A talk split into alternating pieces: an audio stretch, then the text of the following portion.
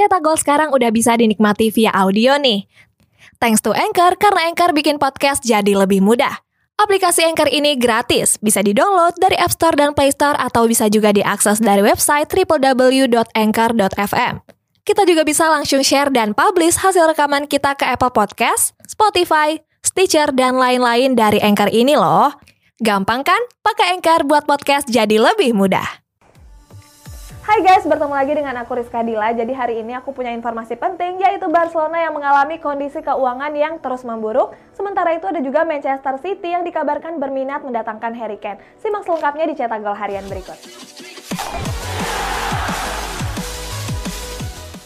Untuk mengawali berita hari ini ada bursa transfer dari Manchester City yaitu berminat untuk mendatangkan Harry Kane dan mempertahankan Aymeric Laporte. Sementara itu gelandang mereka yakni Kevin De Bruyne menjadi man of the match pada laga Piala Euro tadi malam. Manchester City mengajukan tawaran kepada Tottenham Hotspur untuk mendatangkan Harry Kane. Manchester City dikabarkan sudah mengajukan tawaran kepada bomber Inggris mematikan yakni Harry Kane. Kabarnya The Citizens mengajukan tawaran sebesar 116 juta euro Kabar ini diperkuat oleh jurnalis sepak bola kenamaan Fabrizio Romano. Sebelumnya, Harry Kane memang disebut akan hengkang di musim panas ini.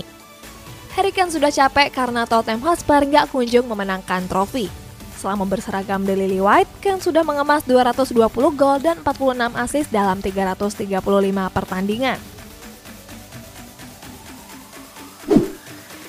Manchester City dikabarkan enggan menjual Aymeric Laporte di musim panas ini. Barcelona nampaknya bakal dibuat gigit jari. Disampaikan melalui media AS, kabarnya Manchester City enggan menjual Aymeric Laporte di musim ini. Menurut laporan, skuad The Citizen sedang kekurangan pemain di sektor back tengah. Sementara itu, Barcelona memang sudah mengincar Laporte sejak lama. Sampai saat ini, sang pelatih Pep Guardiola juga sedang merayu Laporte. Guardiola berharap Laporte mau bertahan lebih lama di Stadion Etihad. Gelandang serang Belgia Kevin De Bruyne terpilih menjadi pemain terbaik di laga melawan Finlandia. Pada laga penutup grup B, Belgia sukses mengalahkan Finlandia dengan skor 2-0. Dalam laga tersebut, Kevin De Bruyne dinobatkan sebagai man of the match. Gelandang Manchester City ini sukses menyumbangkan satu assist. Dilansir dari Wuskort, De Bruyne sukses mengirimkan 7 umpan kunci. Selain itu, De Bruyne juga melakukan 5 dribble sukses, 7 umpan jauh sukses, dan 5 tackle sukses. Kemenangan tersebut juga mengantarkan Belgia ke babak 16 besar. Berita selanjutnya datang dari keuangan Barcelona yang katanya terus memburuk setiap harinya. Nah katanya nih mereka malah mau menampung Aaron Ramsey dari Juventus. Simak selengkapnya. Joan Laporta bilang kondisi keuangan Barcelona semakin memburuk. Bersumber dari Marka, Presiden Barcelona Joan Laporta mengaku keuangan klub semakin hari semakin buruk. Laporta sendiri ditunjuk sebagai presiden baru Barcelona pada bulan Maret kemarin. Walaupun sudah mendapatkan pinjaman dana, akan tetapi situasi nggak membaik. Kabarnya Laporta akan mengambil sejumlah keputusan yang ekstrim. Salah satu masalah Barcelona adalah gaji pemain yang terlalu besar. Menurut Laporta, Barcelona punya skuad dengan gaji yang sudah kelewat batas. Barcelona berencana untuk menampung gelandang Juventus, Aaron Ramsey. Juventus disebut akan menjual Aaron Ramsey di musim depan. Kabarnya Ramsey sudah digabungkan ke dalam daftar penjualan Bianconeri. Selama dua musim membela Juventus, Ramsey gagal menyuguhkan penampilan terbaiknya. Untuk itu, Juventus dikabarkan siap menjual gelandang asal Wales tersebut. Bersumber dari El Gol Digital, pelatih Barcelona Ronald Koeman dikabarkan siap menampung Ramsey ke dalam skuadnya. Keputusan itu juga mendapat dukungan dari Presiden klub Joan Laporta. Jose Mourinho yang baru aja menjadi pelatih AS Roma sangat percaya diri untuk bisa mendatangkan Sergio Ramos. Sementara itu, untuk menggantikan Sergio Ramos di Real Madrid, Real Madrid sangat beruntung bisa mendatangkan David Alaba. Simak selengkapnya. Jose Mourinho dikabarkan berminat untuk mendatangkan Sergio Ramos di musim panas ini. Setelah dipastikan hengkang dari Real Madrid, Sergio Ramos belum menentukan pelabuhan barunya. Sejumlah klub besar di Eropa berminat untuk memboyong bek Spanyol tersebut. Menurut kabar dari Football Italia, Jose Mourinho berminat untuk memboyong Ramos ke klub barunya AS Roma. Mourinho memang baru diangkat sebagai pelatih anyar skuad Serigala ibu kota. Kehadiran Jose Mourinho jadi modal utama untuk bisa memboyong Ramos. Seperti diketahui, Jose Mourinho pernah melatih Ramos saat ia masih menukangi Real Madrid.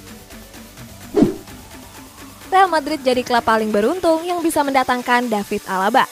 Pada beberapa waktu yang lalu, Real Madrid secara resmi memperkenalkan David Alaba. Alaba sendiri didatangkan dari Bayern Munchen dengan status bebas transfer. Menurut Marka, Alaba merupakan pemain yang multifungsi. Back Austria ini bisa dimainkan di beberapa sektor, mulai dari back tengah, back kiri, ataupun gelandang bertahan. Apalagi kepergian Sergio Ramos menyisakan celah di lini pertahanan El Real. Alaba diprediksi akan menggantikan peran sentral Ramos di musim depan.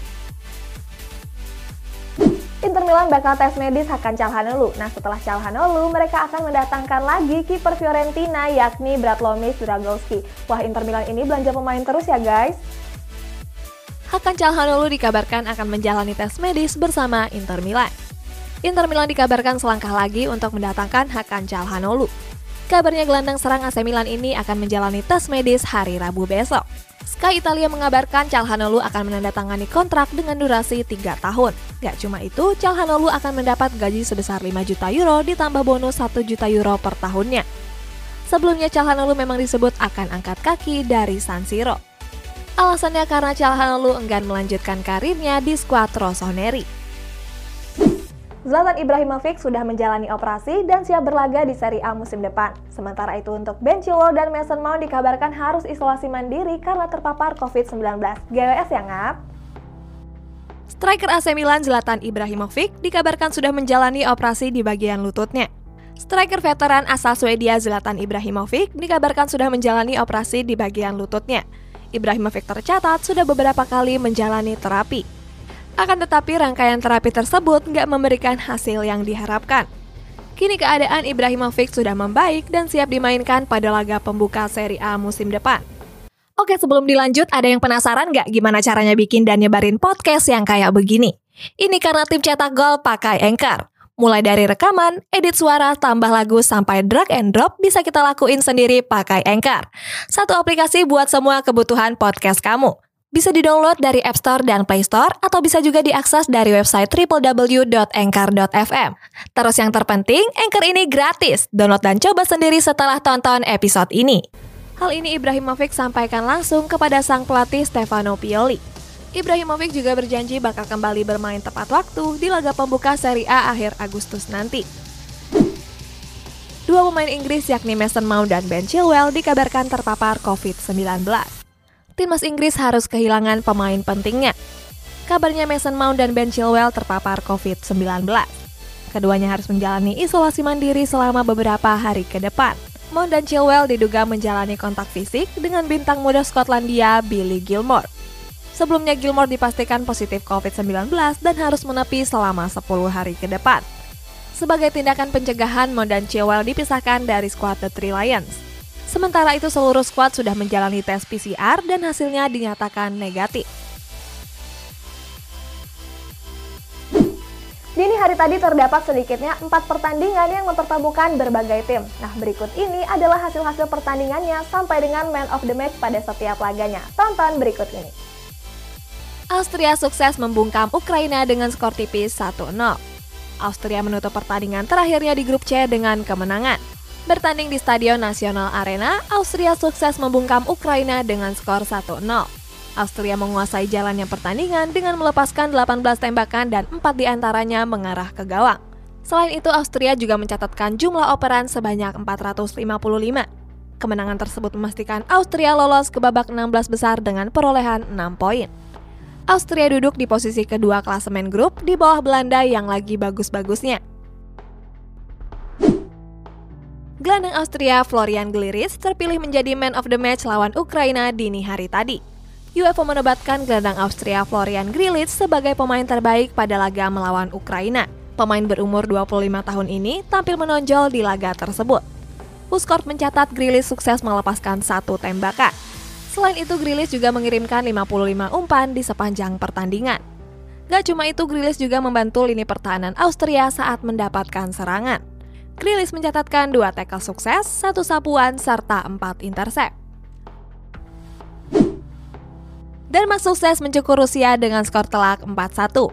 Di laga lanjutan grup B, Denmark berlaga melawan Rusia. Bertanding di Stadion Parken, Denmark sukses menghajar Rusia dengan skor cukup telak 4-1.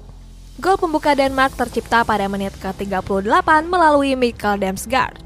Di babak kedua, Denmark memperlebar keunggulan pada menit ke-59 melalui Yusuf Poulsen.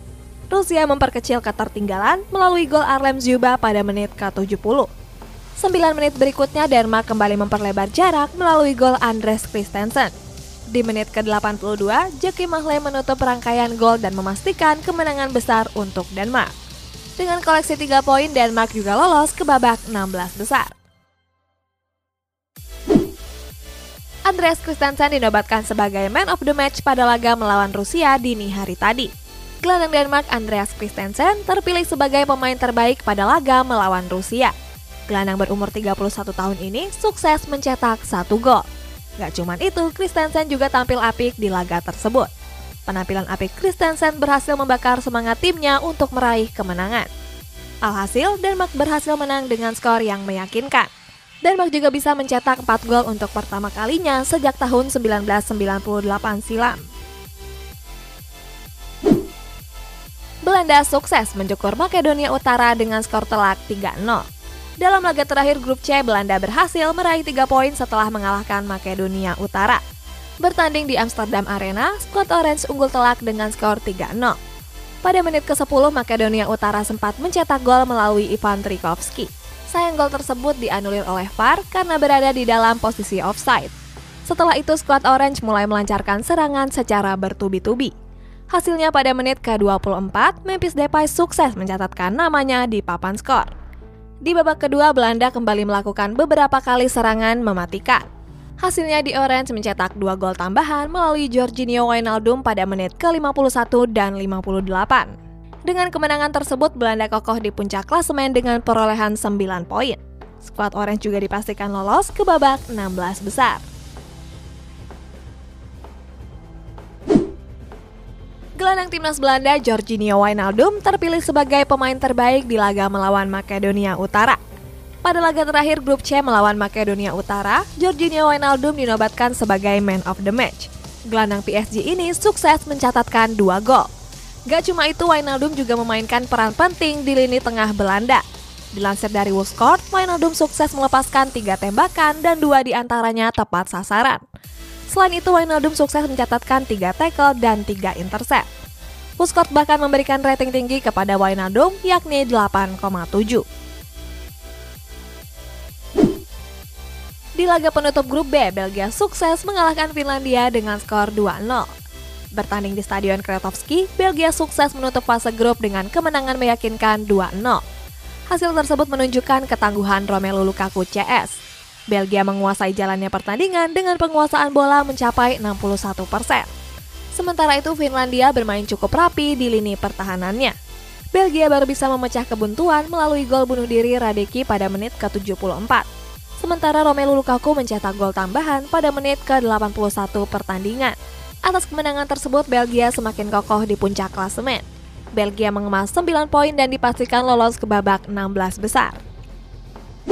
Berita terakhir sekaligus berita penutup ada dari Manchester United dan Liverpool yang ternyata merupakan dalang dari kompetisi European Super League.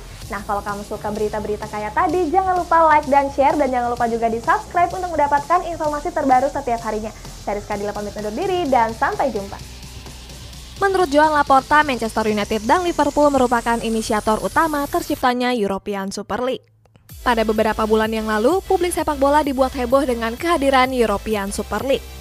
Alasannya, 12 klub top Eropa ikut serta dalam kompetisi tersebut. Banyak yang menilai kalau Real Madrid adalah dalang lahirnya European Super League.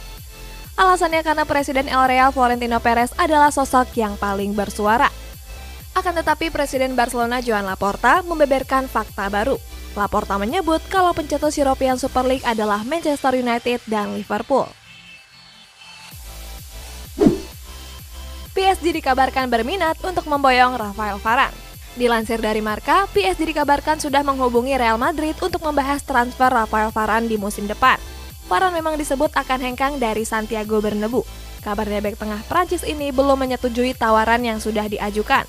Seandainya gagal pertahankan Varane, Real Madrid mematok harga Varane sebesar 50 juta euro atau sekitar 857 miliar rupiah.